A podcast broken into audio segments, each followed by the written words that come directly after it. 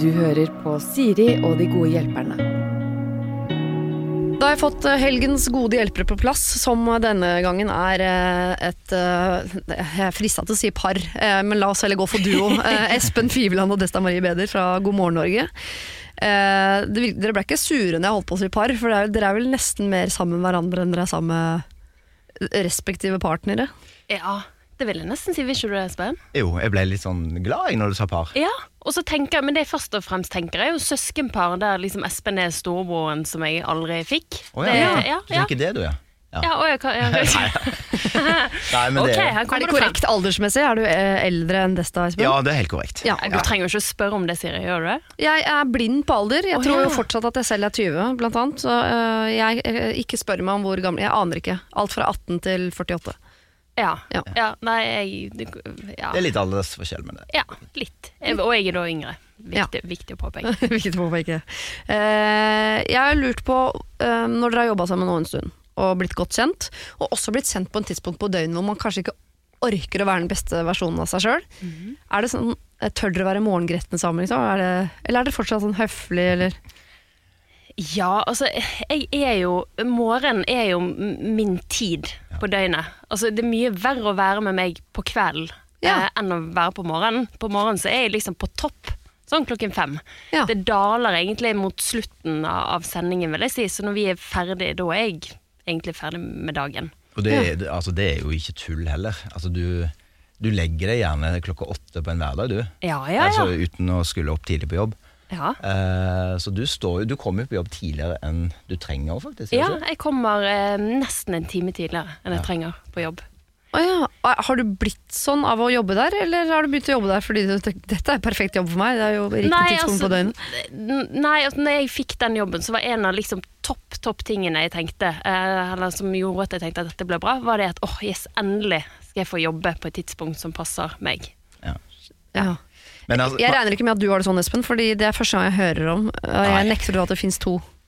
Nei, jeg sliter med å legge meg. Jeg har eh, lakenskrekk, blir det påstått i heimen hjemme hos meg. Så, så eh, jeg går jo med konstant underskudd på søvn. Ja. Eh, men så tar jeg det igjen, da, for vi har jo turnus. Så det er jo så jeg tar jo det igjen, da, men det er jo stressende, da. Og, og det som skjer da, er jo det at det som møter Espen når han kommer, litt sånn trøtt, det er jo, altså da er jeg supergiret, så jeg tar gjerne bølgen og danser en liten dans, eh, for jeg er så glad for å se Espen da, for da har jeg egentlig ventet på han i en time allerede. Eh, Og så vet jeg at han trenger en kopp kaffe, og liksom å få skiftet og satt seg ned, og så, så kommer solstrålen Espen Fiveland frem. ja. Og du blir ikke irritert på Desta for at hun er så himla blid? Ja, jeg er litt irritert for at du kom så tidlig. For at hun, ja, hun sitter alltid der og har liksom oppdatert Du vet når du kommer på jobb, så, så har du ting du må oppdatere deg på. Ja, ja. Eh, alt det er jo hun oppdatert på. Så det er liksom Jeg kommer liksom jeg er veldig bak, bakpå fra starten. Så uansett hva du sier, så sier Desta sånn ja, ja, jeg veit det. Ja, ja, ja. Ja. Så har du, har, du, så kommer det, har du sett eh, den nye Ja, ja.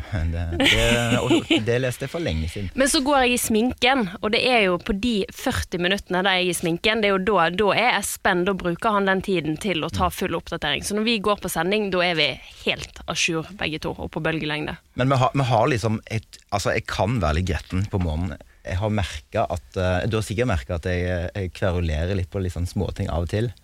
Det, jeg tror, Vi har ikke tatt opp dette her, men eh, jeg, jeg vet det sjøl, nemlig. Ja. Litt sånn uh, småkverulerende, og så går det over, da. ja, jo, men det er jo der jeg føler vi er søsken, da. Der, ja, og, og selv om det kan jo han, han kan være litt kverulerende, så er det liksom noe med at når han kan være kverulerende og jeg kan bjeffe litt tilbake, og vi kan ha den dynamikken, så Ja. er det så mye kjærlighet i det, føler jeg, at jeg blir egentlig glad av det òg.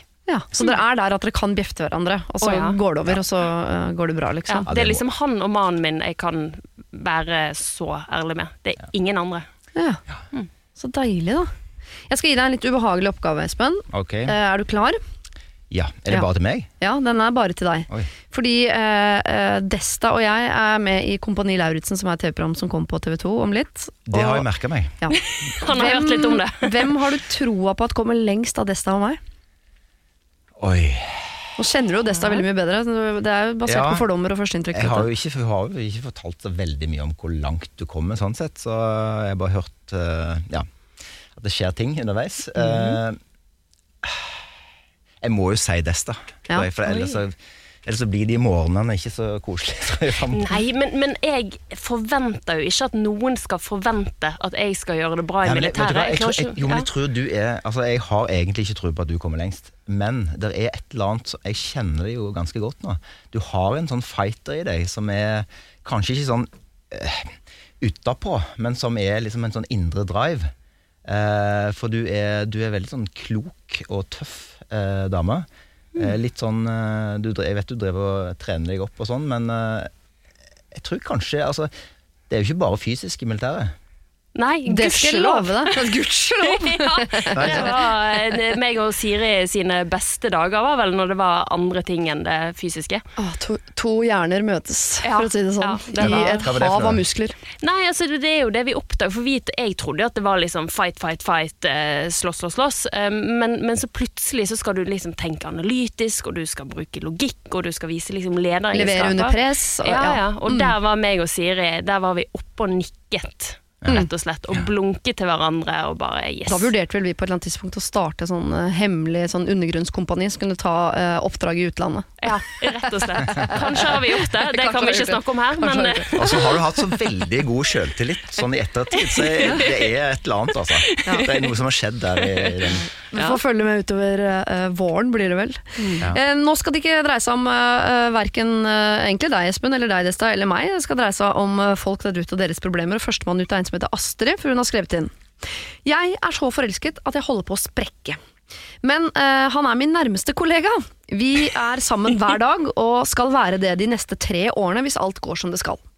Jeg får vibber på at han også liker meg, vi har flørta mange ganger på sosiale arrangementer, men det har aldri gått hele veien. Så hva gjør jeg? Jeg er ikke så sjenert av meg egentlig og ville vanligvis gjort et fremstøt, men hva om det ikke funker? Så må vi se hverandre hver dag etterpå. Eller, om det funker, vil man jobbe så tett med mannen man også er sammen med? Orker man å se hverandre 24 timer i døgnet? Spør Astrid. Jeg har spart dette problemet til dere, faktisk, fordi eh, dere er sammen hver eneste dag. Jeg tenker, eh, Hadde man orket å være sammen 24 timer i døgnet? Altså Nå er det jo sånn at eh, vi begge to har funnet eh, våre partnere på jobb. Å ja! Ja, Så du er jo du er inne på noe her. Ja, men jeg har jo bevisst gått til sportsavdelingen, en avdeling jeg vet at jeg aldri skal jobbe i. eh, For der tenkte jeg at eh, her, dette er trygt. Ja, du henta mannen din i sportsavdelinga? Ja, ja, ja, ja, ja, Du gikk til Det, sportsavdelingen. det får gjette land eh, TV 2-sporten. Der gikk jeg på, på headhuntingsoppdrag og fant min mann. Mm. og igjen kommer, jobber passe tett nok på at jeg kan snakke om folk eh, som jeg jobber med, og han vet hvem jeg mener, men aldri så tett at vi har noe med hverandre å gjøre. Jeg mobber han og erter han og sier ha, en dag så produserer du God morgen Norge, men det er bare sånn at vi kan sitte og le høyt av det, for det, det hadde ikke funket. Ja, nei, Jeg gikk jo da til samme avdeling, men til en annen by.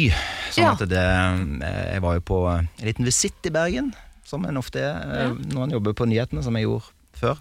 Eh, Og Der fant jeg Vilde. Eh, Så, men så ble vi jo sammen, da. For å gjøre en eh, lang historie veldig kort. Ja. Ehm, så, så vi flytta jo til Oslo begge to, og Mm. da begynte hun et annet sted.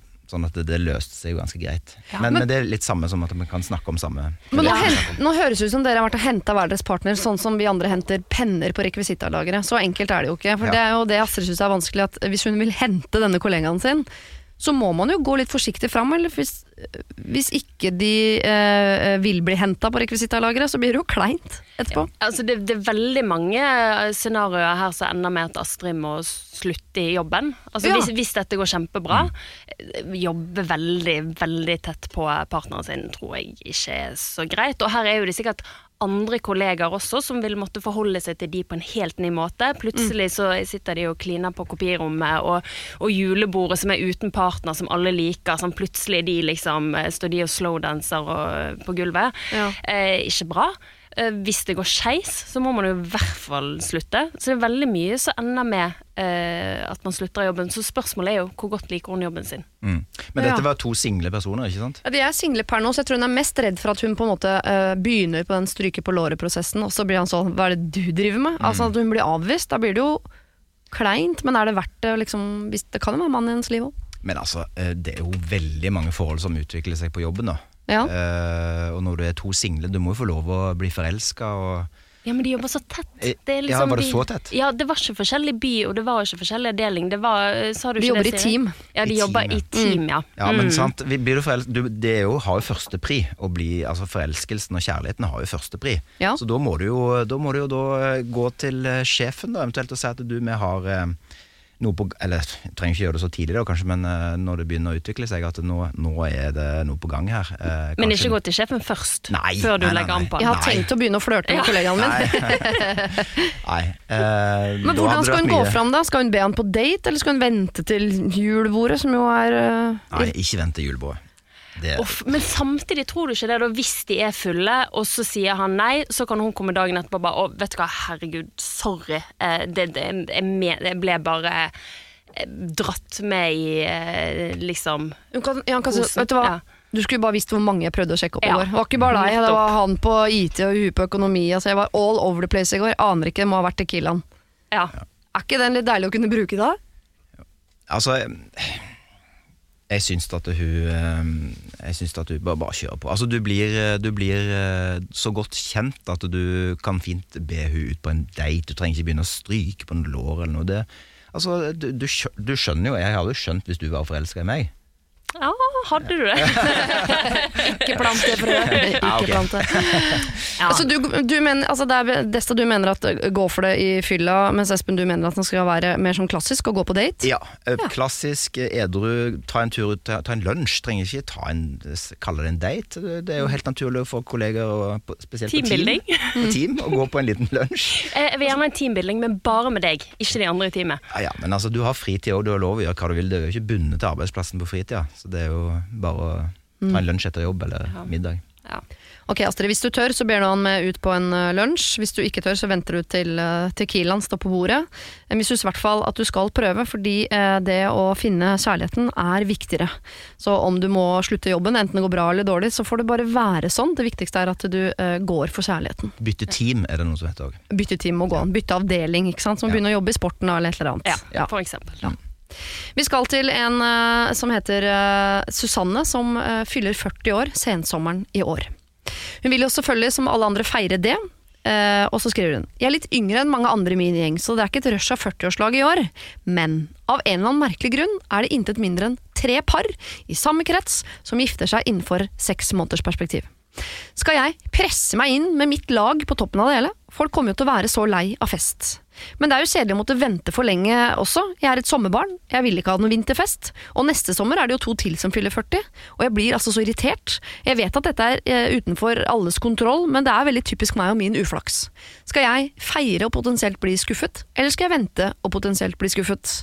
Jeg har allerede hørt en del av damene i gjengen klage over hvor dyrt det blir med alle disse lagene. Hilsen Susanne.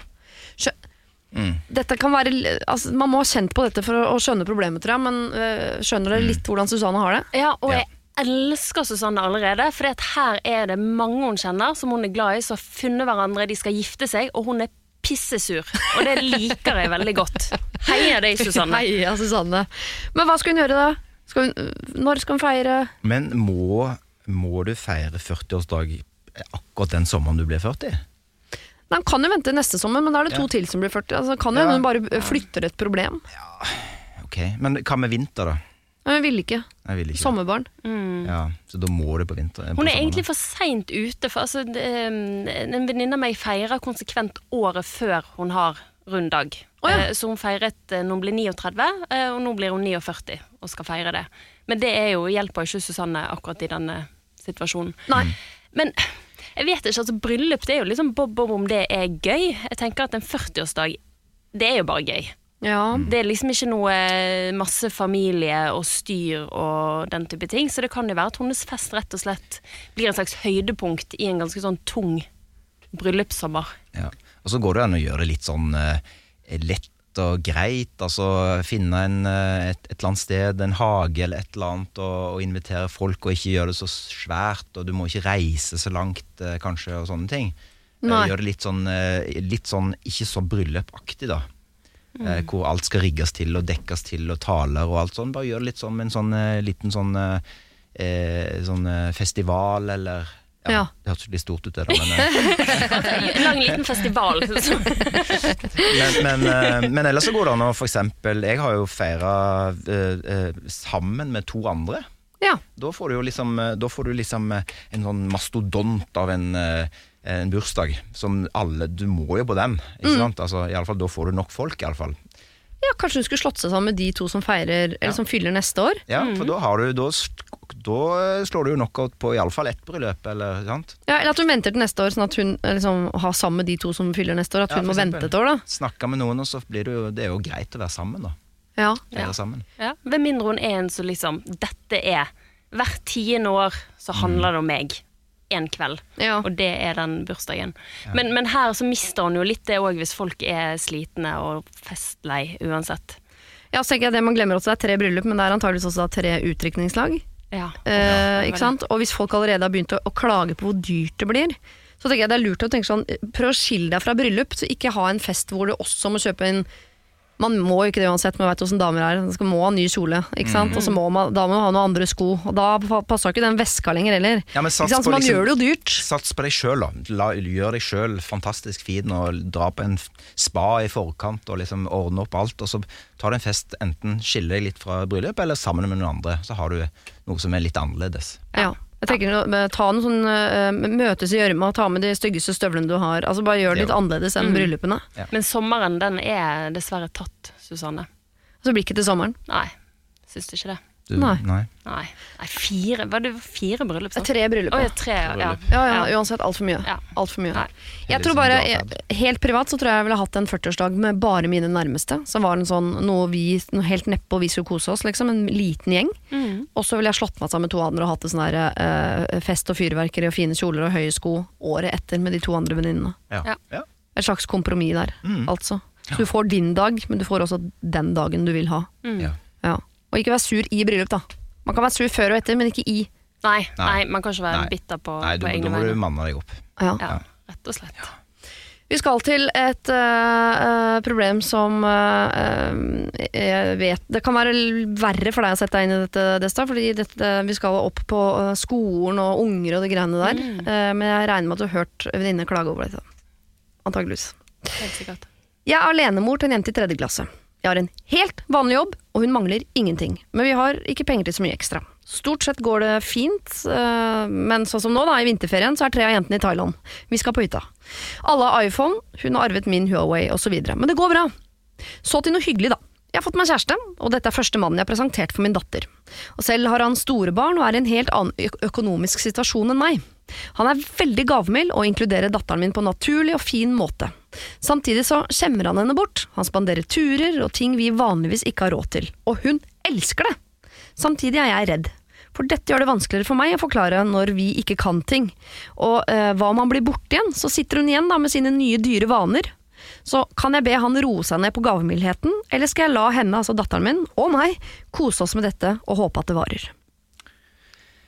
Umiddelbart så tenker jeg um, nei. Til hva? Altså, ja, altså at, eh, at eh, ikke eh, ro ned på gavmildheten. Nei. Nei. La det flomme. La det La det flomme, ja. Hvorfor det? Nei, fordi at uh, Altså, hvorfor ikke? Det altså, han er gavmild, hun er, elsker det, eh, han er fin fyr. Uh, altså, jeg, jeg tror kjernen her er kommunikasjonen mellom, mellom mor og datter. At det liksom eh, du, kan, du må ikke liksom skjule situasjonen. Ja, eh, ok, jeg har litt dårlig råd. Jeg, har, eh, jeg er alene mor til deg, og har, har du jobb, eller? Ja. Ja. Helt vanlig jobb, Ja, helt mangler vanlig ingenting. Ja, ja. Ja. Sånn, Så, ok, men uh, vi har ikke råd til absolutt alt som alle andre har råd til. Vi har ikke råd til å dra til Thailand sant, i ferien. Eh, og sånn er det med den saken. Uh, nå, vi, nå har jeg fått meg en kjæreste, da er vi to, da har vi litt mer å rutte med. Og han syns det er veldig gøy at du er med på det og det og det. Uh, og da er det bare å kjøre på, tenker jeg. Ja. Ja. Og hun har jo òg muligheten til å lære fra seg noen gode verdier til datteren. tenker jeg Nettopp med at det liksom Ok, sånn er det. Det er andre ting enn Thailand-tur som som er viktig. Og så kommer det andre som et krydder på toppen. Eh, men jeg registrerer jo litt at hun er kanskje litt bekymret for at datteren skal bli vant til det. At det er der liksom den nye standarden blir satt. Men det en, det er en kjempefin læringsmulighet for et barn da, å lære at ja, man kan ha litt Thailand og litt hytte. Mm. Det er klart, Han må jo ikke pø... Altså, det er, jeg regner med det er grenser for denne mannen, hva denne mannen uh, liksom legger i potten òg. så du kan jo ikke liksom Du kjøper jo ikke eh, liksom en, en, en bil eller en motorsykkel til eh, Ja, den var li, litt liten, denne. Det skulle vært veldig rart å gjøre Ja, veldig, det hadde vært rart. Her har du ponni, kanskje? En ponni, ja. Men eh, ta litt med ro. ja, Ja, det er klart. For jeg tenker at uh, det er, Jeg synes liksom jeg alltid har hørt sånn at man skal ikke legge økonomiske bekymringer på barna sine. Selv om innimellom så må jeg si at jeg også sier fram sånne ting. Det har ikke vi råd til, sånn sier jeg jo til Ja. barna. Ja. Uh, Men det må jo gå an å få formidla at det ikke nødvendigvis handler om penger alltid, men at det handler om verdier. Hva, s- hva, er, eh, hva som er viktig eh, når man koser seg. Har, altså, hvor hyggelig har de det egentlig på hytta? Kanskje de har det helt fantastisk på hytta. ikke sant? Eh, og at man når man da eh, plutselig blir dratt med på en sånn luksustur av denne typen, så skal man kose seg med det. Jeg bare, jeg, jeg bare synes jeg Hun må bli trygg på det, så ikke hun drar til Thailand og koser seg, men hele tiden prikker datteren på skulderen og sier sånn Husk at vi vanligvis er en sånn Ja, Ja. gjeng som er på hytta, da. Altså, hun må jo kose seg med det, hun òg. det, det er ikke så stor forskjell mellom å ha liksom, en vanlig jobb, eh, alenemor, og til en som kanskje har litt bedre råd. Eh, råd ikke sant? Mm. Altså, forskjellen er jo ikke Det er jo ikke en sånn, en sånn milliardær, dette her, regner jeg med. det er ikke Ringnes, liksom. Nei. Nei. Sånn at, eh, sånn at jeg tipper det er liksom eh, Jeg, jeg syns bare at eh, hun er stor nok til å liksom At du kan prate litt om økonomi og greier. Ja. Rett og slett. Prate litt om uh, hva vi har råd til. Og sånn er når du er, blir flere, så har du råd til mer. Og da er vi to stykker med, med jo, fulle jobber, og da, vi, da tjener vi mer penger. Og da kan vi bruke litt mer penger òg. Og det er jo litt sånn som du sier, Siri, også, at det er jo ikke bare en sånn økonomisk at enten har man råd til å gjøre det, og hvis man ikke har råd, da må man reise på hytten. Altså Det handler jo om eh, at eh, begge deler er like kjekt, virkelig. Eh, og det er jo også, hva er det i Thailand, og det er jo litt som slanger og edderkopper og det ene med det andre. Det har ikke man på hytta. Nei. Nei. Han fokuserer på de fine tingene der, ja. Ja, rett og slett. Ja. Slipper å fly og ja. ja, de tingene. Kort vei. Og så tenker jeg også at eh, man må passe på, og for jeg, tenker, jeg syns jeg hører også en mor her som er litt stolt av de verdiene hun har gitt til datteren sin, og ser nå at det kommer en sånn fyr inn i hvit dress og på en måte herper det grunnlaget hun har klart å bygge opp. Da. det forsvinner ikke, vet du. Nei, det er det jeg tenker også. Hvis du fortsetter den gode dialogen med datteren din, så er det ikke, så er det ikke sånn at hun glemmer hvor dere kommer fra, og hva, eh, hva dere liker, og hva som er viktig, osv. Nei, man kan, man kan bli et godt menneske selv om man har vært på ferie i Thailand. Det tror jeg. det håper jeg. Ja. Det håper jeg. Hvis ikke så jeg Jeg har ikke vært der, så jeg vet ikke. Jeg har ødelagt to. Eh, vi skal holde oss til barnesjangeren på mange måter, eh, måter, for her er det en dame på 38 som eh, har lyst på barn. Jeg har vært sammen med en marginalt eldre mann i snart tre år. Han har store barn fra et tidligere ekteskap, og selv har jeg en datter som begynner på skolen om ett og et halvt år. Det vil si at vi annenhver uke har tre barn i huset, annenhver uke så har vi ingen. Jeg vil gjerne at vi skal få et barn sammen. Jeg mener det er viktig for å knytte våre to greiner tettere sammen, samt at jeg gjerne vil ha et biologisk søsken til min datter, som jo potensielt er alene dersom vi skulle gå fra hverandre. Han sier han ikke orker å begynne på nytt. Han orker ikke å begynne med våkenetter osv. Og, og han verdsetter den friheten vi har annenhver uke så høyt. Men søren da, den tiden kommer uansett. Jeg vet ikke hvor mye jeg kan mase, eller om jeg kan kreve noe som helst, men er det egentlig verre at jeg krever å få enn at han krever å ikke få? Spør Marte. Ja, det syns jeg. Jeg, jeg syns ikke at man skal liksom kreve at noen skal få et barn Nei. hvis de ikke har lyst til det. Nei. Det er ikke som eh, en katt eller en hund. Nei. Nei. Det, det, det er ikke et godt kompromiss eh, Det er ikke et godt kompromiss å få barn hvis man ikke vil ha det. Nei. Nei, jeg er helt enig, samtidig som jeg tenker hvis man vil ha barn, så er sorgen over å ikke få barn antageligvis uh, større enn 'jeg har ikke lyst på barn', og så kommer det en unge, og den blir du jo glad i. Jeg tenker at eh, Potensielt så er jo på lang sikt så er jo det ene kompromisset medfører mer tristhet enn det andre, da. Mm. Men de har jo hvert sitt barn. Ja. Så de har jo barn. Så det tenker jeg, tenkte iallfall jeg når jeg hadde Nå har jeg tre, men eh, eh, når jeg hadde da ett barn, så tenkte jeg ja, jeg har ett barn, og jeg er veldig glad i, i henne. Og liksom, jeg må ikke ha noe mer. Eh, men, men så jeg har, har jo òg vært i den situasjonen hvor jeg har truffet en ny, og Og vi har fått to felles barn, da. Mm. Eh, og det har, de kom jo nylig, og, de, og jeg eh, er jo godt opp i 40-åra, sånn at det er liksom litt sånn jeg, jeg kjenner litt på at den, liksom, det er en sånn eh, transportetappe den første tida nå, men, eh, men eh, Jeg Kjente du på den rykket tilbake til start-følelsen? Ja, den- lite grann. Ja. mm. Å ja, vi er der igjen, ja. Nå som vi endelig var over kneika, liksom. Ja, ja, ja, ja. Eh, men samtidig så er det jo noe som eh, Det er fryktelig hyggelig og fantastisk, eh, liksom dynamikken i familien og eh, sånn som vi har det iallfall. Uh, men jeg måtte jo ikke ha Jeg måtte jo ikke få et barn til. Nei. Nei. Så det, det er sånn helt bonus. Da må du være liksom Begge må være innstilt på det. Det er Ja. litt det du sier at det, du, du kan ikke Men, men altså, det er veldig viktig å snakke om det. der Fordi at, mm. for at Hvis én går med den følelsen, så er det en forferdelig vond følelse, egentlig. Ja, for det er jo det er jo en livsavgjørelse, egentlig. Så, Ja. så, så jeg mener ikke det at da skal hun bare godta at altså Hvis hun virkelig ønsker å få et barn, da skal hun bare godta det. Men, men eh, ja, jeg tenker akkurat barn er en sånn dårlig kompromissgreie. Eh, mm. Jeg er enig at begge skal ønske det. Det er såpass uh, altoppslukende prosjekt at det er jo uh, absolutt det beste om begge har lyst på. Uh, men samtidig, hvis det er en sorg hos henne at hun virkelig ønsker dette barnet, så er det jo um, Jeg bare spør som djevelens advokat her, men eh, burde ikke han unne henne det? Altså Burde han ikke unne henne og de og deres felles prosjekt dette barnet, selv om det er ja, så må du stå opp litt tidligere og eh, begynne med det bleiegreiene igjen, men kom on, da. Vi kom så gjennom det forrige gang, det gikk bra, liksom. Ja, men, ja og, og det kan godt være, men jeg tenker det viktigste er at han, han må komme frem til det.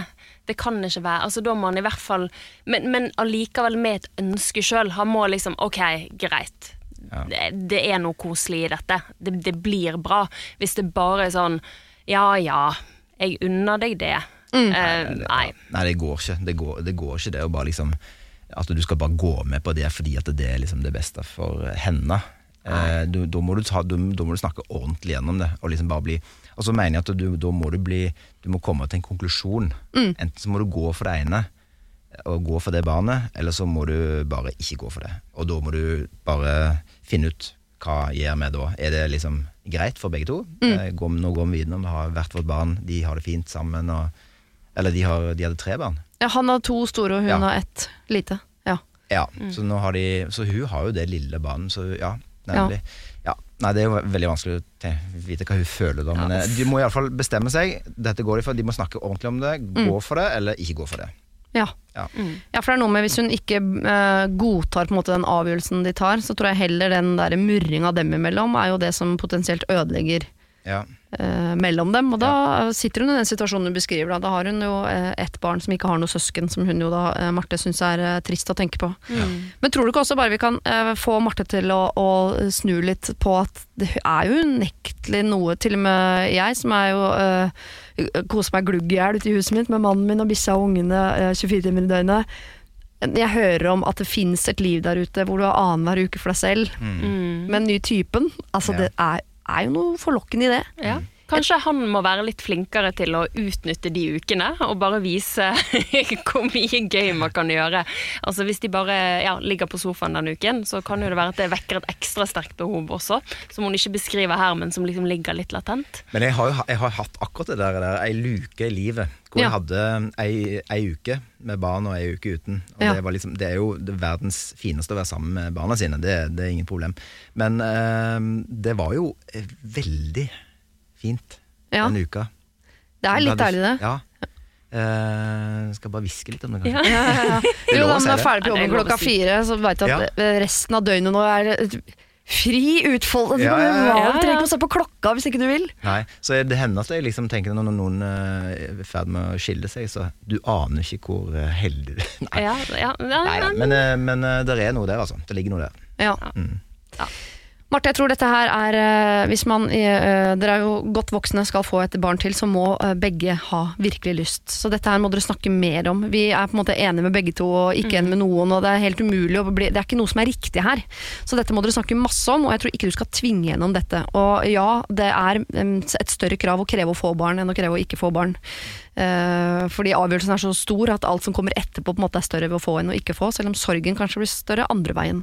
Så her må dere bli enige, men når dere blir enige, så må du love meg, Marte, at da er dere enige. Det er ikke noe mer murring og gnaging, og da, er, da har vi lagt ballen helt, helt død, og begge må være helt komfortable med den avgjørelsen som er tatt. Har du problemer selv, send dem inn til siri at radionorge.no. Jeg har en kompis med veldig dårlig ånde. Eh, Det plager jo egentlig ikke meg så veldig, men han er singel og søkende. Og eh, på toppen litt frustrert fordi han ikke skjønner hvorfor det aldri klaffer. Nå sier ikke jeg at grunnen er dårlig ånde, men det kan jo være det. I disse sveipetider så skal det jo ikke mer til før folk ikke vil ha deg. Han er en hårsår type, og ironisk nok ganske jålete. Så hvordan skal jeg si fra om dette? Hvis jeg skal det, da? spør Henrik. Den latteren har jeg aldri hørt før. Det var, nei, altså, det, det, uff. Jeg, jeg føler liksom at alt man kan snakke om, så er kanskje dette noe av det aller vanskeligste. Ja, dårlig lukt. Ja. Ja. Um, men ja, hvorfor har man dårlig ånde? Er det noe med mandler, kanskje? Kunne man tatt en sånn mandelinngang? Neste gang han er syk, så åh, sliter For det gjør jo Ja, det, du med meg, egentlig. Problemet her er jo først om du skal prate med han om det. Eh, Så kan du vel komme over på sånn eh, hva, hva tiltak kan du, kan du gjøre. Spørsmålet er vel først om han skal ta det opp med Ja. vedkommende. Ja, Eller? skal man det? Og svaret er jo ofte ja. eh, Fordi hvis man føler at man sitter Hvis du sitter på svaret til hvorfor en god venn av deg er eh, evig singel og frustrert, Ja. så bør man jo på en måte gi den nøkkelen. Selvfølgelig. Mm. Ja, ja. Selv om ikke det er noen kul oppgave. Vet du hva, Jeg hadde funnet en eller annen farlig sykdom der symptomet er dårlig ånde, og så hadde jeg gått inn med det og så sagt du vet hva, jeg har ikke lyst til å ta dette opp med deg, men jeg leste at eh, det er en sjelden krefttype som har dårlig ånde som symptom. Og det og det har har jeg du. merket litt hos deg, og derfor så er jeg bare så redd for at du er syk. Dette må du sjekke. Du Kanskje han har halsbyll, for det har jeg hatt. Det er, for, det er forferdelig ånde. Ja. Eh, altså, spesielt når du må inn og skjære opp inni, inni halsen. eh, Få ut eh, den byllen.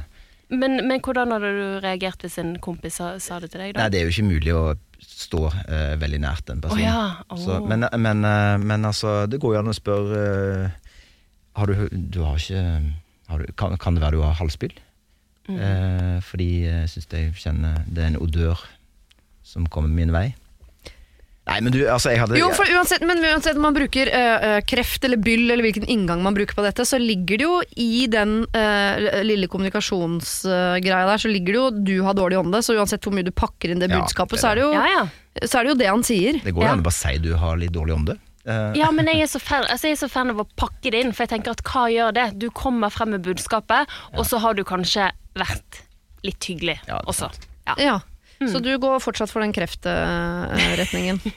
Ja. Men bare, hvis, du hvis dere sitter en kveld da, med en venn som er lei seg, som har vært på 48 Tinder-dates siste måneden, og, og det blir aldri noe, eh, og, og si sånn jeg, Jeg vet ikke, altså, men jeg har noen ganger merket at du har litt dårlig ånde. Ja. Kan det være det? jeg- jeg- Og det er forferdelig å høre, men jeg tenker at det er sånn dette er eh, sagt tusen milliarder ganger, eh, både privat, offentlig og på jobb.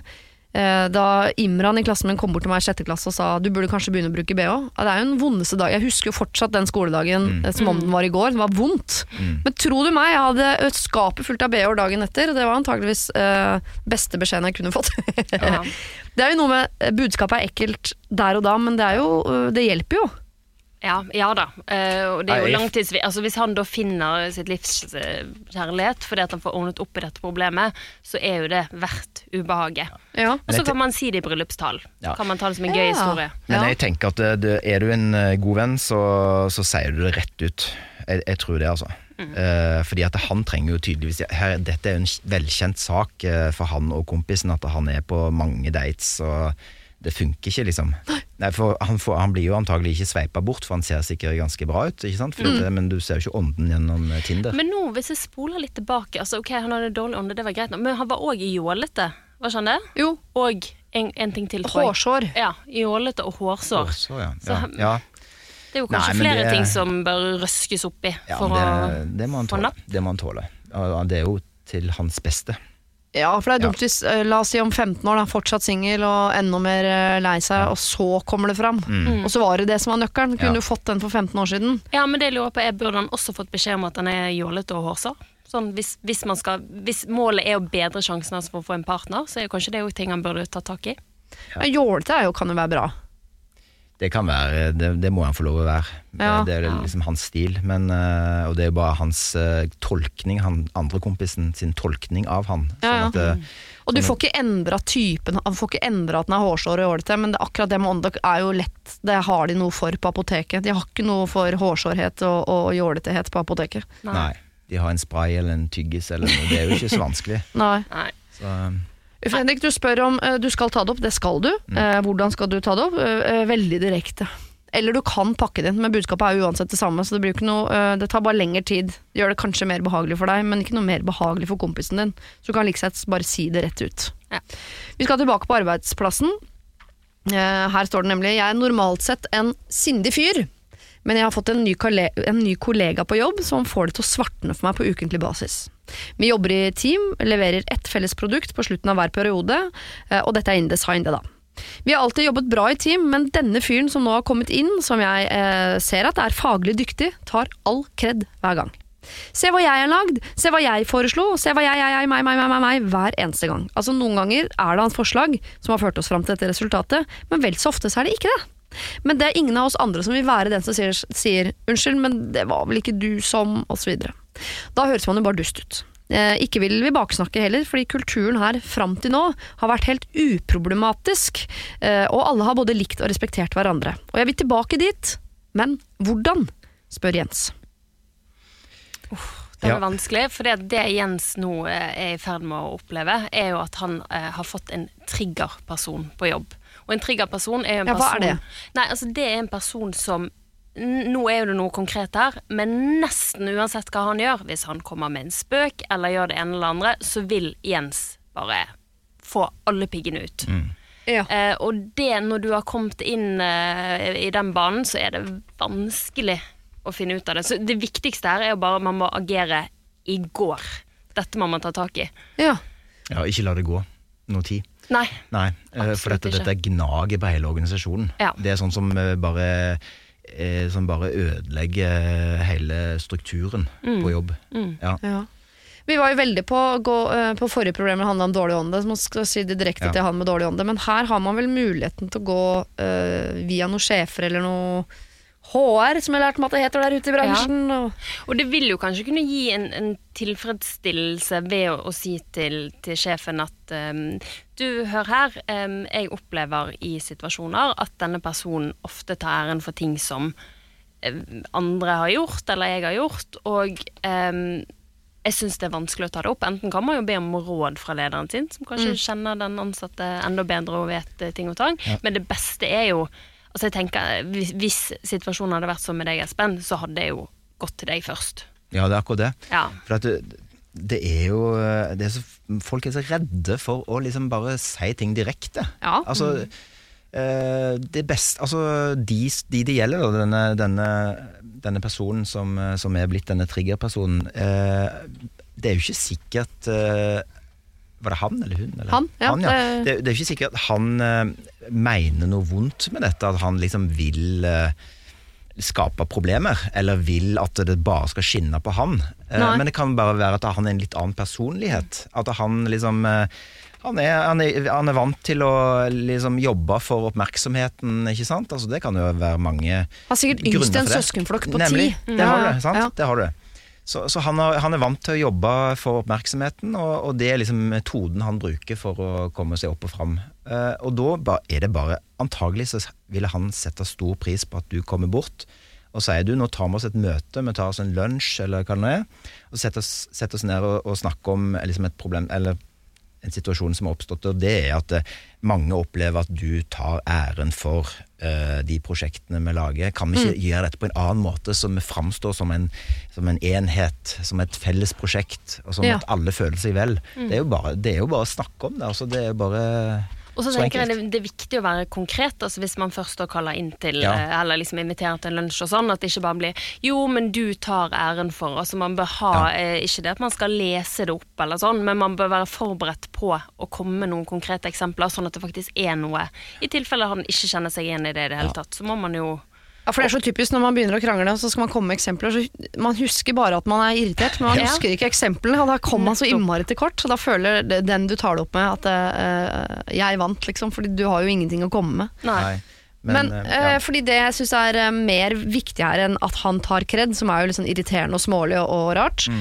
Eh, men det er jo mer problematisk synes jeg, at den gode kulturen på arbeidsplassen er i ferd med å slå sprekker. Så man går Ja. fra å være et sted hvor alle respekterer alle, alle tar æren sammen, til å bli et sted hvor man eh, blir en mer sånn gjeng som baksnakker hverandre. Og, så, så jeg er helt enig at dette, dette må ryddes av eh, bordet, dette problemet her. Og så er det jo øh, å bare være litt sånn, gå litt som du sier, Dest, at øh, gå litt forsiktig fram og liksom ikke Skal ikke innkalle til møte, men ta liksom en samtale, og så er det jo spørsmål hva kan gruppa gjøre for at du skal liksom For at han skal liksom føle at dette går greit. Altså spille han inn Ja. god Han er sikkert en kjempegod ressurs, egentlig. sant? Og så er jo det gjerne sånn at hvis folk føler et veldig behov for å skryte av seg sjøl, så kan jo det ha en sammenheng med at han føler ikke at han får det fra andre. At derfor så må han fremheve alt det han gjør sjøl. Ja. men da går det òg an for han, da, hvis han får den tilbakemeldingen han deler, å gå til lederen og si at du vet hva, jeg trenger faktisk litt tilbakemeldinger, både positivt og negativt, for å liksom vite hva som funker. Så Ja. slipper han å måtte sitte der og øh, skryte av sin egen jobb. Det kan jo tyde på at det er litt mangel på tilbakemeldinger, eventuelt. Men eh, det viktigste her er jo, sånn som du sier, Siri, altså arbeidsmiljø har så ekstremt mye å si. Og man vet ikke hvor godt man har det før det er noe som ikke funker. Og det er jo det eh, man er i ferd med å oppleve her. Er Kanskje man skal ta den der runden som jeg har vært gjennom noen ganger på jobb tidligere, hvor man sitter rundt et bord, og så må alle si til alle noe negativt, og, nei, noe positivt, og noe som kan bli bedre. Sånn, du er jo dyktig, Mm. faglig sett helt ekstremt dyktig, og noen av de tingene, prosjektene du kommer opp med, altså, er altså helt sånn fantastisk, jeg er på, uh, takket være deg, bla bla bla, men noen ganger har du en tendens til å uh, å ikke se de andre i prosjektet, så når vi legger fram, så virker det som du har glemt at det var Lotta sin idé, eller at man går inn og legger det fram sånn, så vi tar runden rundt bordet. Da. Ingen får vite hvorfor de egentlig sitter rundt det bordet. Nei, det er akkurat det. Men du, sant? Du må, det er litt sånn å pakke det litt unødvendig mye inn, syns jeg. Ja, det, Kan det ikke være greit med sånn utluftning på alle? Runde på det, liksom? Jo da, men, eh, men dette var jo et veldig spesifikt eh, problem. Som jeg det, det, det farlige her er jo at det kan jo ende med at alle som skal gi tilbakemeldinger til denne personen, sier det samme. Ja, så blir det veldig Så massivt. istedenfor at du fikk én tilbakemelding av én person under fire øyne, så ble det liksom 18 stykker som bare ja. Enig, det er litt Slutt hardt. med det. Ja, det er litt hardt. Men du, eh, du bør si fra om dette. Du bør være eh, opptatt av å bevare kulturen på jobben. Så si ifra til kollegaen din, eller gå til sjefen og be sjefen ta det opp. Eh, Og husk at det kan være en grunn til at han gjør dette. Kanskje han er yngst en søskenflokk, han trenger oppmerksomhet, har aldri fått noe feedback på at han faktisk er flink, så han føler at han hele tiden må minne folk på at han er det, osv. Så, videre. så øh, prøv Hva er det du kalte det? Han her er en triggerperson? Triggerperson. Ja, prøv å ta det bort, sånn at han slipper å være det, for det er sikkert mye han gjør som også er bra. Eh, Anne Irene skriver her. Jeg er oppvokst uten min far, og det har gått fint. Min mor fikk en ny kjæreste eh, fort etter at han dro fra oss, og jeg har vokst opp med han, eh, og det er han jeg kaller for pappa. Nå har min biologiske far gått bort. Han har eh, to barn med sin kone, og de har jeg møtt noen ganger opp igjennom. Jeg har aldri tenkt på arv, men nå har jeg jo plutselig krav på arv. Allikevel føles det rart å skulle få penger fra en mann jeg aldri har hatt et forhold til, og jeg tipper at mine halvsøsken synes det er rart at plutselig jeg kom på banen og skal ha en tredjedel. Samtidig, han dro. Han har aldri betalt bidrag, og jeg er fortsatt i etableringsfasen, så det er ikke sånn at jeg ikke trenger pengene. Men skal jeg overse min egen ekle følelse, min egen moral, og muligheten til å fortsette å ha et ok forhold til mine søsken, som jo faktisk er mine egne eneste søsken, eh, som jeg kanskje en gang kan bli nære Ann Irén? Skal hun gå for pengene, eller skal hun gå for Ja, men, må, altså, men søsknene til Anne Irén, er det sånn at de automatisk mener at hun ikke fortjener sin del av arven fordi at han eh, forlot hun? Det er jo ikke sikkert de mener det. Det kan jo være at de mener at eh, jo, men du er jo også datteren hans. Ja. Og selv om dere ikke hadde et godt forhold, eh, og det syns vi var veldig synd, så selvfølgelig så skal du få din del av det. Det, er jo, det kan jo like godt gå den veien. Det hadde jo vært vakkert, men du ser at til og med søsken som har oppvokst side om side med mor og far, eh, krangler som katter og bikkjer med en gang noen går bort. Dette er et minefelt. Arv. Og altså, her har eh, foreldregenerasjonen altså, De har et ansvar for å legge til rette for at det ikke blir eh, problemer etterpå. Ja. Så jeg vet ikke om han eh, Det tror jeg ikke han har gjort. Han har ikke gjort det, nei. nei. Så han har, det er jo litt dårlig, egentlig, for at han vet jo at han har hun i tillegg til de. Og det kommer en problemstilling der. Ja. Og, det, og da overlater han jo det, den, den konflikten overlater han til de barna sine.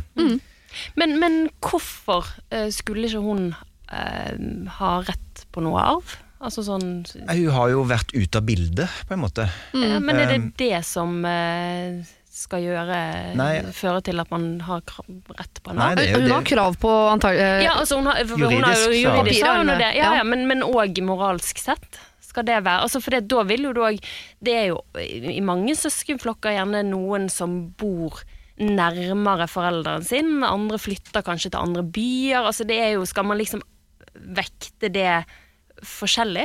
Nei, Juridisk sett skal du ikke det, men jeg tror det, det, det handler jo om eh, følelsen hennes. Hun har Ja. jo ikke vært inne i bildet eh, i den familien eh, på den sida i det hele tatt. Og så sitter det to ba barn der som har hatt sin far, og liksom eh, Det er jo, de, det er jo liksom deres penger i Men det er jo ikke hun som har valgt det. Nei, det er jo ikke det. Nei. Men hun har jo på en måte oppvokst med en annen far. Da. Dette kunne jo også vært et søsken man ikke visste om, som plutselig dukket opp. Sånn, sånn By the way, hun visste at du også lå med en eh, Og det er jeg produkt av, eh, som plutselig kommer inn. Ja. Jeg kan jo skjønne at man syns det er jeg, jeg kan skjønne at man er småligere på å dele pengene eh, dit enn de man har oppvokst side ved side sammen med. Da. Det kan jeg eh, forstå. Så jeg skjønner hvor på en måte, den moralske skepsisen til Ann Irene kommer fra. Og da er det jo greit, men kanskje hun skal bare snakke med søsknene sine Ja, og høre hva de tenker. Eller jeg ville kanskje sagt sånn, Ja. jeg, det føles ikke helt riktig å ta imot de pengene, men å håpe at de biter på og sier sånn hæ, hvorfor det? Mm. Ja. Ja, Du må, du må snakke, det er jo nøkkelen her. Du må snakke med de søsknene og høre hva de føler. Ja. Eh, men altså, det er jo ikke egentlig en føleri, dette her, som du sier. Det, er- det er jo liksom eh, De har jo krav. Så, Ja, ja, ja, men- så jeg syns jo, jo de andre søsken de på, på, som har hatt han faren i livet sitt, at Mm. de skal òg være litt rause og ha som innstilling at uh, hun skal ha sin del. Mm. Det er liksom, det er utgangspunktet. Og, så, og så får de snakka sammen, da. Ja da, og, og en ting er jo på en måte jussen som er klar, men jeg mener òg moralsk sett også. Altså Det er ikke hennes feil at eh, faren forlot henne. Hun, det er jo ikke sånn at hun er helt på sidelinjen, for hun ønsker jo å ha et forhold til disse søsknene. Det er jo ikke sånn at hun popper opp som troll av, av eske eh, når han nå er død. Så et eller annet har jo det vært her. Og jeg mener igjen at det er veldig mange nyanser med at eh, noen har hatt et veldig tett forhold til foreldrene, andre søsken har flyttet vekk eller flyttet til USA eller reist et eller annet sted. Og skal de da ha liksom 30% mindre enn de som var tett på, eller altså det, Ja, det Nei, jeg er enig, og, og så kan man si sånn ja, uh, Hun skal ha øh, økonomisk kompensasjon for ræva pappa, liksom. Alle de årene han har vært det er godt poeng. Og jeg, tenker, jeg, jeg har ikke noe problem med å se at øh, pengene skal deles i tre, og dele, altså dem imellom. Det blir verre når det kommer til sånn det arvede serviset som hun aldri har spist av. Skal hun ha øh, fire av de koppene og to skjeer og en kniv? Hytta hun aldri har vært på, som de to øh, andre halvsøsknene har vokst opp på hver eneste sommer og påske og vinter. Nå lager jeg historier, så dette vet jeg ikke. Eh, må de plutselig selge den, fordi hun ene Ann Irén de har nesten aldri har møtt, hun skal ha en tredjedel, de har ikke råd til å, å øh, kjøpe henne ut, så da forsvant den ut av slekta. Jeg tror, eh, det det er potensielt da det kan dukke opp noe sånn hvor, hvor kom du fra, liksom? Eller Mm. Ja, altså Hvis hun går for liksom eh, kniven han elsket å spise middag med, og bare 'den skal jeg ha', nei. Nei, altså det, det skal, Hun skal ikke ha servise og de tingene der, altså. Det, det vil altså, det, ja, For hun hvis- har hvis- ikke noe affeksjonsverdi Nei. altså, for Og- henne, noe av de Nei, tingene. ingen, det, det må hun bare si at dette er dere Ja. eh, business. Det, det har ingenting med meg å gjøre. Men, men hvis de to søsknene som, som er, er der hos, eller var der med han pappaen, hvis de er rause, eh, så, må, så vi, må hun vise raushet tilbake og si at eh, den hytta den har jeg ingen forhold til, det, det er liksom deres domene. Mm. Eh, vi gjør alt vi kan for å få det til å gå opp. Den, den, den på en måte har dere. Hva om han ikke har en krone i banken, men han har jo arvet da et uh, lite slott på en egen øy utenfor Risør, Ja, da, som har en verdi på 38 millioner kroner. ja, da begynner det å bli heftig. Ja, ja, men da blir det fort en konflikt mellom de to søsknene, for det er vel ingen av de som vil ha råd til å kjøpe ut den andre der. Nei. Nei, men De kan jo sikkert leve der side om side som de har gjort hele Altså, oppvoksen, jeg- men Ann Irén kommer jo inn fra sidelinja her. Jeg mener at Ann Irén på større verdier har rett. Ja. Både juridisk, men også moralsk, til hvis det knytter seg i et slott eller store verdier. Jeg er litt enig, altså. Jeg er mer enig i det. At det, at det er egentlig Det er ikke så mye tvil, egentlig. Nei. Hun har sin, hun har sin rett, men altså her må, her må en bare trå forsiktig. Og det, det handler jo om at en skal ha et greit forhold til de ungene. Og så kan jeg liksom se bort ifra de andre søsknene, så vil jeg jo bare si til Ann Irén at eh, jeg mener det jeg mener, men du må kunne leve godt med det og kose deg. Du må ikke la deg bondefange av arven hvis dette kommer til å plage deg i tiår etterpå. Men hva om hun liksom potensielt mister det eh, som kan bli en god relasjon til disse halvsøsknene på sikt? For det kan jo hende at de, eh, hvis de surner og sier sånn eh, Anne Irén, nå syns vi det er helt ute å kjøre. Ok, du skal få det du har krav på, men da kommer ikke vi til å ha noe mer kontakt. Skal hun, hva, hva gjør hun da? Men Ja, ja, er de, altså, ja. nei, det, det, da syns jeg at det er dårlig gjort, og da syns jeg kanskje ikke at det er det Ja, hva, Irene trenger i hva skal de livet sitt. surne av? Altså, Juridisk så har vi jo krav. Du, det kan jo ikke liksom begynne sånn Nei, du må si fra deg noe her, liksom. Og så skal Ja. vi bare føle på hvor mye du skal si fra deg, liksom. Det må jo men det må jo bare være en regel, og så er regelen regelen. Vi kjører på den, og så får vi ta det, det andre etterpå. Altså servis, og, eller om det er sånn Ja. andre ting. Ja. Bare se at søsken som er oppvokst sammen og er glad i hverandre, ofte, de kan jo miste kontakten etter Ja. et sånn arveoppgjør. Jeg tenker at Ann Anne Irén, som ikke de har den kjærligheten til en gang i utgangspunktet, kan godt hende at det, eh, det, det som kunne potensielt blitt et søskenforhold på et eller annet tidspunkt, det er nok litt mer tynnslitt akkurat etter en sånn prosess. Men hvis alle eh, forholder seg til reglene, Mm. eh, og sier at eh, har den innstillingen der, så går det bra.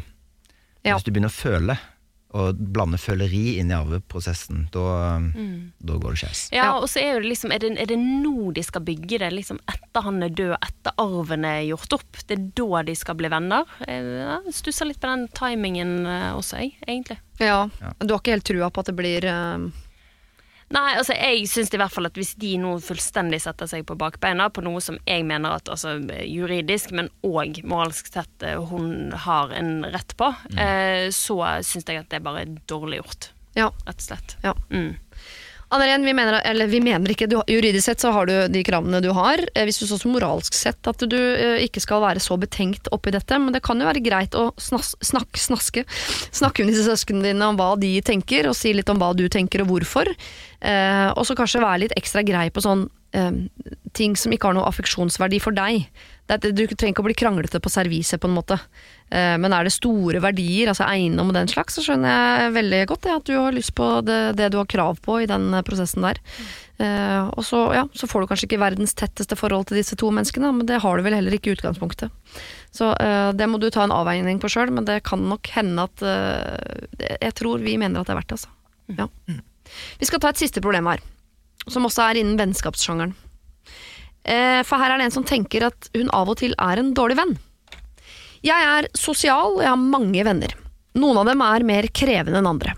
Selv vil jeg beskrive meg selv som en svært lite krevende eh, venn. Jeg er verken dramatisk eller har tendenser mot å bli deppa. Jeg er egentlig en relativt happy eh, jente hele tida. En av mine nærmeste er han mer deppa sorten. Ingen diagnoser eller medisiner, og hun har alt på stell, mann, jobb, to små barn osv. Egentlig akkurat som meg, men ja, bare mer deppa. Ofte er hun lei seg over noe med mannen, eller noe med barna eller jobben eller andre venner osv., og, så videre, og jeg lytter. Men hun vil ha mer. Jeg ser at hun prøver å dra meg med inn i dramaet sitt, men jeg klarer altså ikke å bli med. Jeg eh, prøver ikke å avfeie det, altså ikke bagatellisere det heller, men jeg syns ofte ikke at de tingene hun syns er så innmari farlig, er så veldig farlig. Mangler jeg evnen til å sette meg inn i ting, eller er det hun som overdriver? Det blir jeg aldri klok på. Jeg liker mitt noe bekymringsløse liv, og vil helt ærlig ikke bli med ned i mørket bare for å være en god venn. Men må jeg det? Nå har hun bedt meg på vin en kveld til uka fordi hun er så frustrert over mannen sin, igjen, og jeg merker at jeg ikke har lyst til å gå. For da må jeg jo sitte der og nikke da og si ja, jeg skjønner at det er irriterende osv. Men helt ærlig, jeg skjønner ikke det. Jeg syns ofte mer synd på mannen som blir hakket på. Kan jeg si det? Jeg tror ikke jeg klarer å la være lenger. Burde jeg la være å gå, bare for å skåne, fra, eh, skåne henne fra mine potensielle utblåsninger? Eller trenger hun den? Skjønner dere at her er klippet ned en litt lengre mail, for å være helt ærlig, men skjønner dere essensen? Ja, og, og her er, jeg tenker det er jo eh, to ting her. Altså Enten så er det um, hvis du har en venninne i livskrise, det er en ting. Men hvis det er en venninne som over tid konstant um, drar deg ned, så eh, høres ikke det ut som et veldig sunt vennskap. Nei, men jeg, jeg, det høres jo ut som hun litt, liksom er i, inni hodet sitt er litt på vei vekk fra denne venninna uansett, da. Eller At eh, det, det er ikke noe konstruktivt eh, for henne å ha henne liksom så nært, da.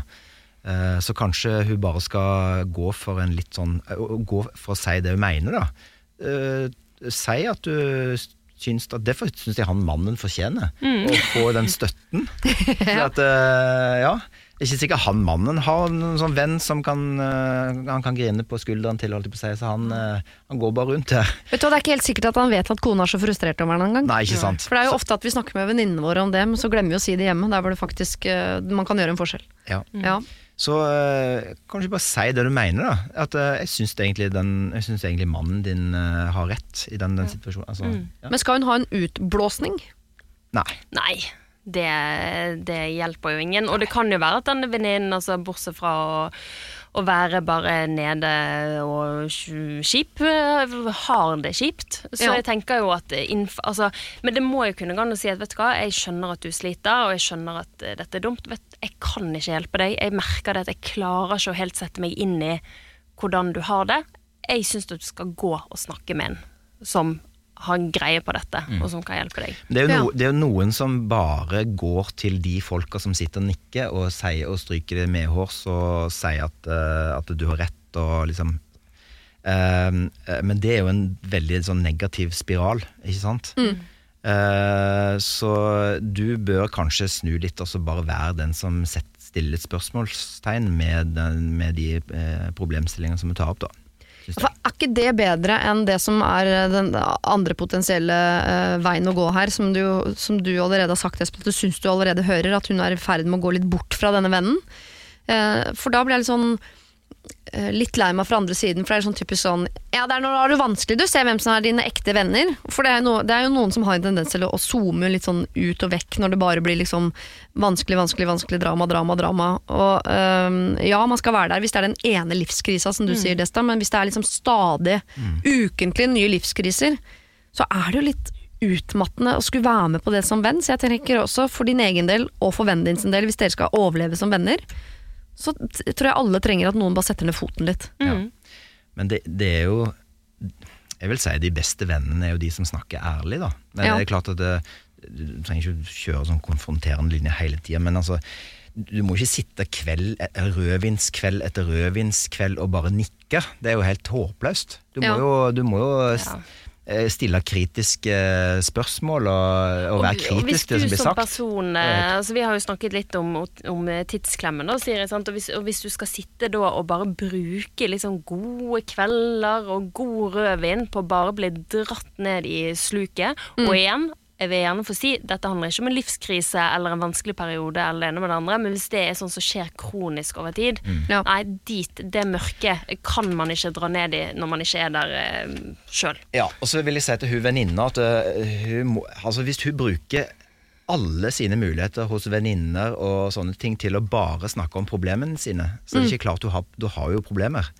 Ja. Altså da er det jo uh, Altså det er jo veldig jeg si, negativt øh, Det hun trenger er et budsjett Ja. til en psykolog som kan betale en person. Jo, men, men det er jo det at denne venninnen her evner jo heller ikke til å få henne opp igjen, for denne venninnen sitter jo bare og lytter, og det er jo klart at det, det virker jo ikke å ha bidratt til uh, noe positivt. Uh, sant? Det er ikke sånn at hun Ok, og jeg merker etter å ha snakket med deg at nå føler jeg meg bedre. Eh, Dette går veien. Så her må det en profesjonell person på banen som kan liksom hjelpe hun med å bryte disse negative Du kan tankerekkene. prøve, hun, hun øh, her kan prøve å snu de samtalene i rødvinskvelden til det blir noe snakke om litt mer andre ting. Litt positivt. Jeg kan bringe andre emner på Eh, banen, ja. ja. Det er ikke så dumt. Fordi jeg tenker også, øh, Men det kunne kanskje også vært fornuftig å bli med helt ned en gang, hvis du skjønner. Fordi Ja. Ja. det er litt som vi snakket om tidligere i dag, han kollegaen som øh, ba om oppmerksomhet hele tiden. Kanskje grunnen var at han aldri fikk. Så her tenker jeg sånn, hvis hver gang hun legger fram et lite problem, så blir det aldri liksom ordentlig hørt. Så kan det hende at det hun egentlig vil, er at noen skal bare se at hun virkelig sliter. Ja. Men det virker ikke som noen skjønner at hun bare smådrypper småproblemer hele tiden og håper at noen skal bite på, men det er det aldri noen som gjør. Faren ved det er jo at man, man eh, syns liksom hele den der, eh, at det går på repeat. Nå hører jeg at du klager igjen, og du klager igjen, og klager igjen. At den dagen du virkelig trenger det, så, så, så hører vi deg ikke. Mm. Så Og kan det- hende at man ja. bare skulle satt av sånn helt ha, Er det virkelig vanskelig nå, liksom? Da skal jeg bli med deg, eller er det ba- eller, er, jeg- surrer du nå, eller Jeg hva? føler på meg hvis hun, hvis hun uh, sier at uh, Den dagen hun sier at uh, Du jeg er faktisk ikke enig med deg, jeg. Jeg, Ja. jeg syns han mannen din har rett i veldig mye her. Den dagen hun sier det, så er du der nede. Ja. Sant? Da er du i gang. Ja. Så da kan du ta den, den der, der, og så bli ferdig med den, så snakker du, begynner du neste rødvinskveld. Så drar vi på spa eller eh, Ja, ja. et eller annet. Jeg tenker liksom rødvin òg. Altså, snakk om en drikk som bare får deg ned der. Her må jo det Prosecco på banen. Ja, ja, Her må man liksom drink. Ja, det må bli fest her. Men, men jeg er helt enig med deg. Det er egentlig fint bilde på livet. Kan, vi, uh, kan livet være litt mer Prosecco Ja. og litt mindre rødvin? Ja, Altså, rett og ja. slett. Eh, men Selv om det er snobbete å si det, beklager. Ja, ja, ja, men Prosecco er nå kan man jo, Den beste jeg har smakt, koster 99. Jeg bare nevner det. Men, men uh, Siri, nei, jeg er helt enig med deg òg. Eh, verdt å stille det kontrollspørsmålet. Handler dette egentlig om noe annet? Ja. Ja. Ja, det er jo alltid. Det er en veldig Ja. bra oppsummering. For han mannen din er egentlig ganske kul. Ja. Ja, Selv når du klager over han, så syns jeg han er ganske kul. Så er det noe annet. Kanskje det å være en ekte god venn her er at du blir med ned én gang, men du skal ikke bli med ned for å ligge der i ruggeren og stryke skje. Du skal bli med ned for å stille de riktige spørsmålene. eh, Prøve å få henne opp igjen ved å nettopp gi litt motstand. Og så kan du da eh, på eget initiativ de neste gangene sette litt mer Prosecco på bordet, og håpe at det da blir mer forlokkende enn å dykke ned den evinnelige rødvinen. Og her snakker jeg metaforisk, men også rent praktisk. Eh, jeg skjønner følelsen din, eh, og nei, du skal ikke bli med ned hver gang, men den dagen det virkelig er krise, så håper vi at du faktisk kjenner det igjen, og at du orker det. Eh, tusen takk til eh, Espen og Desta, som jo eh, også er gode venner. Føler dere har blitt gode venner av meg, gode venner av programmet. Eh, eh, skulle vi dykka ned i en flaske Prosecco, eller åssen er det? Eh, veldig gjerne, Ja. Siri. Ja. På Son. Ja, Ja. da tar vi det videre der. Det gjør vi. Det gjør vi. Det var det. Husk å sende ditt problem til siri at radionorge.no om du vil ha hjelp. Denne podkasten er produsert av Rubicon for Bauer.